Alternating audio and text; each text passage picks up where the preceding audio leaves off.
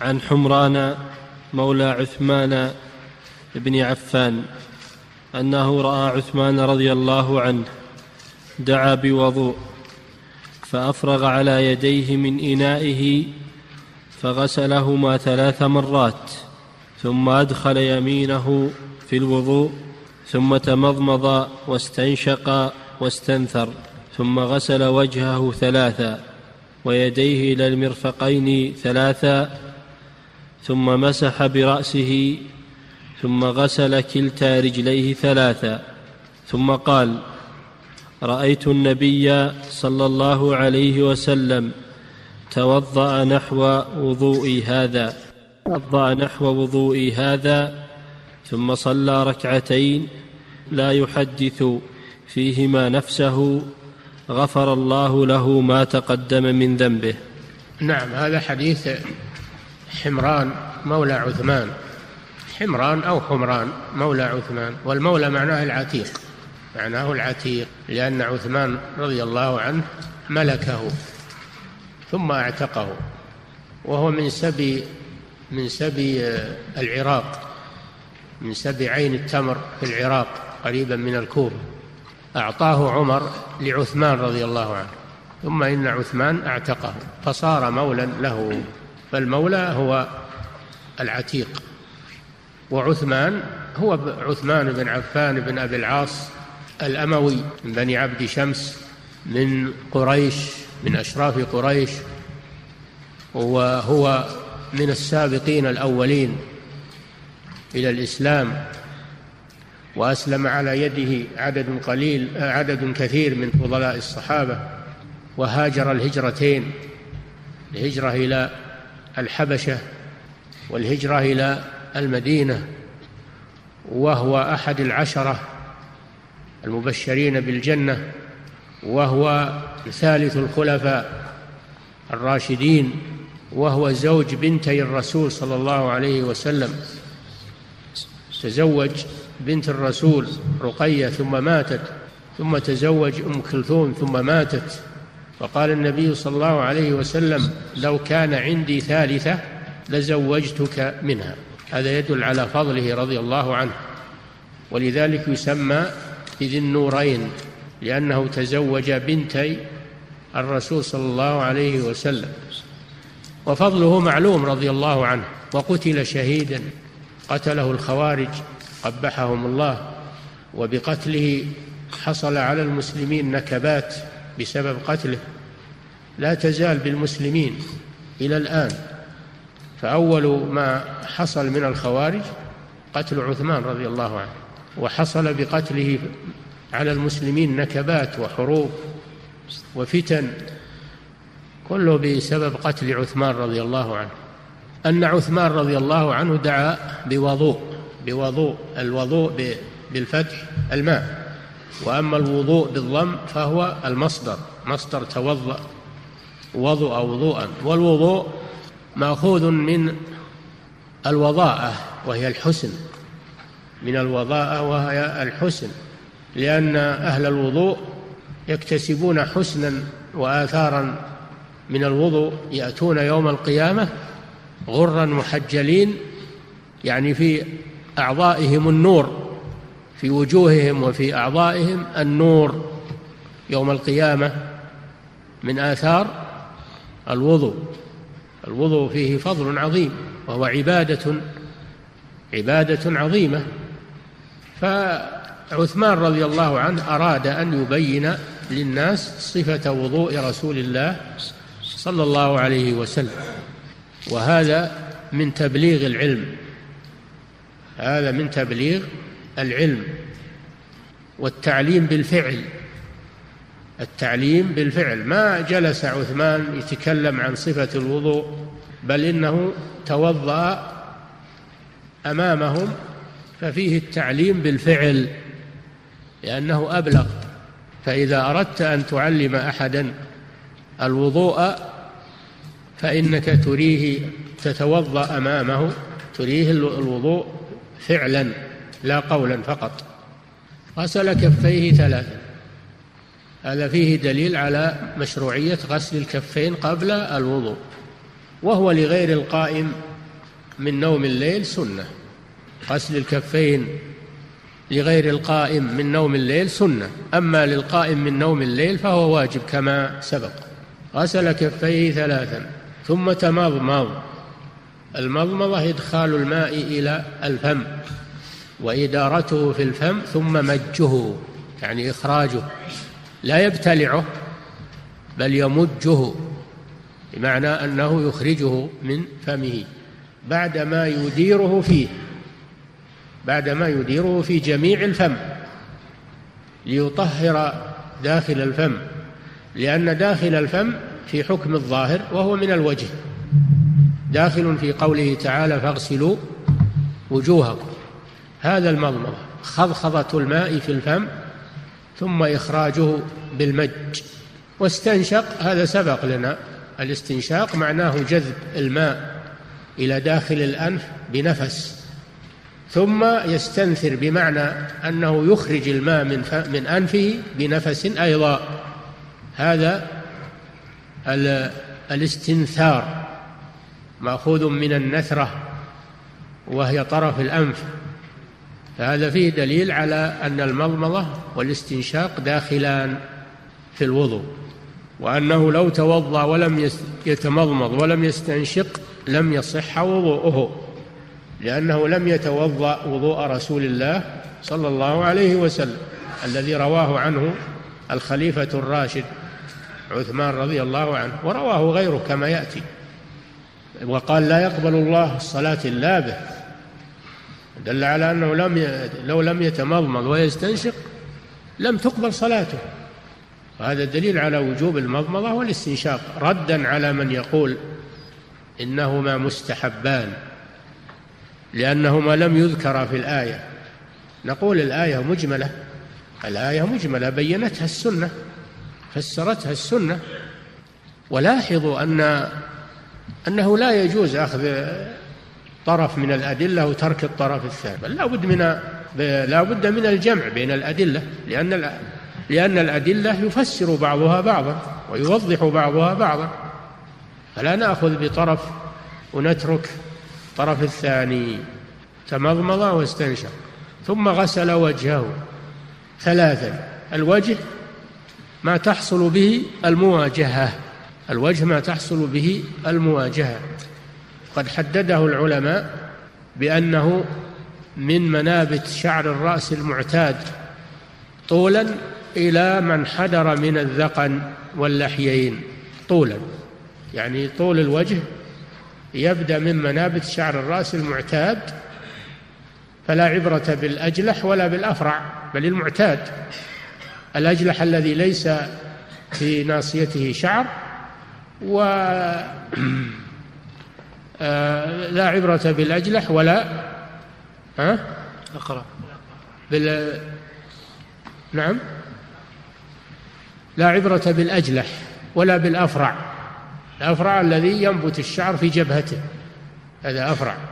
فالمراد بالمعتاد منابت شعر الرأس المعتاد. هذا من الجهة العليا. ومن الجهة السفلى من حدر من اللحيين. لأن في جانبي الوجه عظمان يسميان باللحيين يجتمعان في الذقن يجتمعان في الذقن وينبت عليهما شعر اللحية. هذا كله الوجه طولا. وأما عرضا فمن الأذن إلى الأذن. هذا تحديد الوجه عرضا. كل هذا يجب غسله. كل هذا يجب غسله في الوضوء. ولو ترك شيئا منه لم يصح وضوء وقوله ثلاثا الواجب مرة. الواجب مرة. والثلاث سنة. لو غسله مرتين أو ثلاثا فهذا سنة ومستحب. وإن اقتصر على واحدة أجزأت. ثم غسل يديه مع المرفقين. إلى المرفقين. غسل يديه إلى المرفقين ثلاثا. كما في الآية. غسلوا وأيديكم وأيديكم إلى المرافق. والمرفق هو مفصل الذراع من العضد. مفصل الذراع من العضد. هذا هو المرفق. وأما مفصل الذراع من الكف فهذا يسمى بالكوع. مفصل الذراع من الكف يسمى بالكوع. ومفصل العضد من من الكتف. هذا يسمى بالكتف. فاليد فيها ثلاثة مفاصل مفصل من الكتف ومفصل من المرفق ومفصل من من الكف. والمطلوب غسل الأيدي إلى المرافق. ولا بد من غسل المرفق مع الذراع. بقول لأنه صلى الله عليه وسلم لما توضأ أدار الماء على مرفقيه. فدل على أنهما داخلان في المغسول فعلى هذا تكون إلى بمعنى مع وأيديكم إلى المرافق يعني مع المرافق لأن إلى تأتي بمعنى مع. إلى الانتهاء الغاية قالوا فإن كان ما بعدها مخالف لما قبلها فإن ما بعدها لا يدخل مثل تم الصيام إلى الليل فالليل من غير جنس النهار. أما إذا كان ما بعدها لا يخالف ما قبلها فإن ما بعدها يدخل مثل وأيديكم لأن كله يسمى يد إلى المرافق يعني مع المرافق. ثم مسح برأسه قوله تعالى وامسحوا برؤوسكم. والرأس إذا أطلق يعم جميع الرأس فيمسح جميع رأسه ولا يكتفي بمسح بعضه. لا يكتفي بمسح بعضه. وصفة مسح الرأس كما يأتي أنه أنه وضع يديه صلى الله عليه وسلم على ناصيته ثم أمرهما إلى قفاه ثم ردهما إلى المكان الذي بدأ منه. هذا مسح الرأس. والمسح هو المسح غير الغسل. المسح أن تضع يديك مبلولتين بالماء. على رأسك وتمرهما عليه. هذا هو المسح. وأما الغسل فلا بد من إفاضة الماء على العضو. ثم غسل كلتا كلتا رجليه مع مع الكعبين ثلاثا. ما يقال في في المرفقين يقال في الكعبين. والكعبان هما العظمان الناتئان في أسفل الساق. العظمان الناتئان في أسفل الساق. هؤلاء هما الكعبان إلى الكعبين والكعبان داخلان في الغسل يغسل رجليه مع الكعبين ثلاثا هذا سنة وواحدة هذا هو الواجب.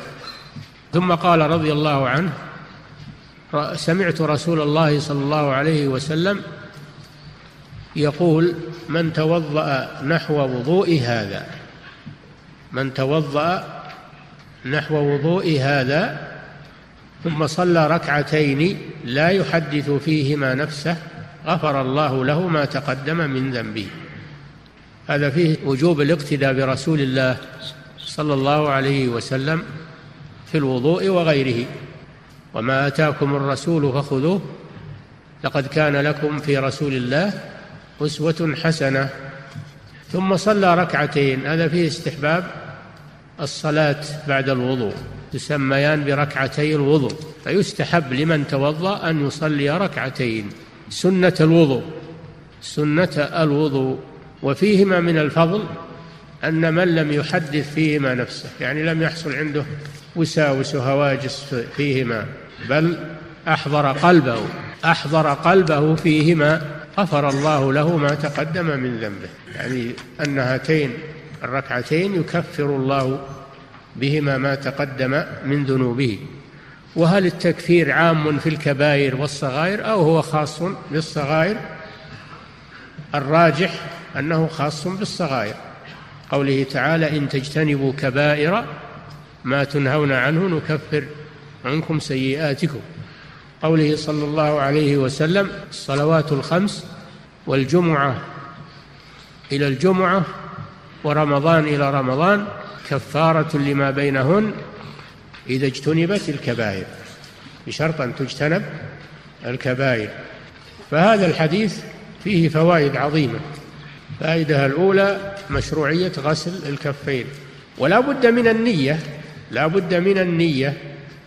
قوله صلى الله عليه وسلم إنما الأعمال بالنيات. ويشرع أيضا أن يسمي قوله صلى الله عليه وسلم لا وضوء لمن لم يذكر اسم الله عليه. وهل هي واجبة أو سنة؟ الإمام أحمد عنده أنها واجبة والجمهور على أن التسمية سنة. فيه وجوب المضمضة والاستنشاق. وجوب المضمضة والاستنشاق لأن هذه صفة وضوء رسول الله صلى الله عليه وسلم. والرسول صلى الله عليه وسلم إذا فعل فعلا يفسر به القرآن ففعله يكون واجبا. وفعله هذا يفسر الآية. لقوله تعالى يا أيها الذين آمنوا إذا قمتم إلى الصلاة فاغسلوا وجوهكم. في الحديث أن التثليث في غسل الأعضاء أنه سنة. التثليث في غسل الأعضاء أنه سنة. مستحب. في الحديث وجوب الترتيب وجوب الترتيب بين الأعضاء كما أمر الله بذلك ورتبها وقال صلى الله عليه وسلم أبدأ بما بدأ الله به. ففيها الترتيب بين الأعضاء وأن هذا من شروط صحة أو من فروض صحة الوضوء. وفيه الموالاة الحديث دليل على وجوب الموالاة. بين غسل الأعضاء فلو فلو أخر غسل العضو حتى ييبس الذي قبله فإنها تفوت الموالاة. ولأن عثمان رضي الله عنه توضأ مواليا وقال هذه صفة وضوء رسول الله صلى الله عليه وسلم.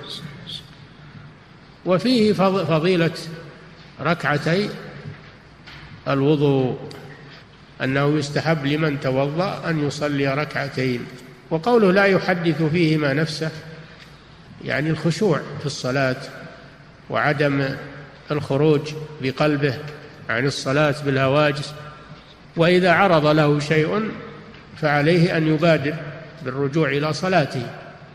ولا يستمر مع حديث النفس بل يبادر بالرجوع إلى صلاته ولا يضره ذلك إن شاء الله.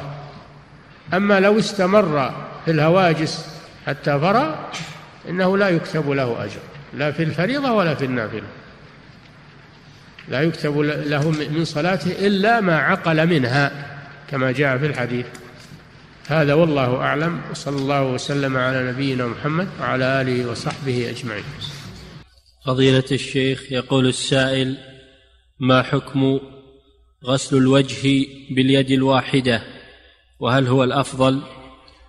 لا ما هو الأفضل يجوز تغسل وجهك بيد واحدة أو بيديك ما في مانع. نعم.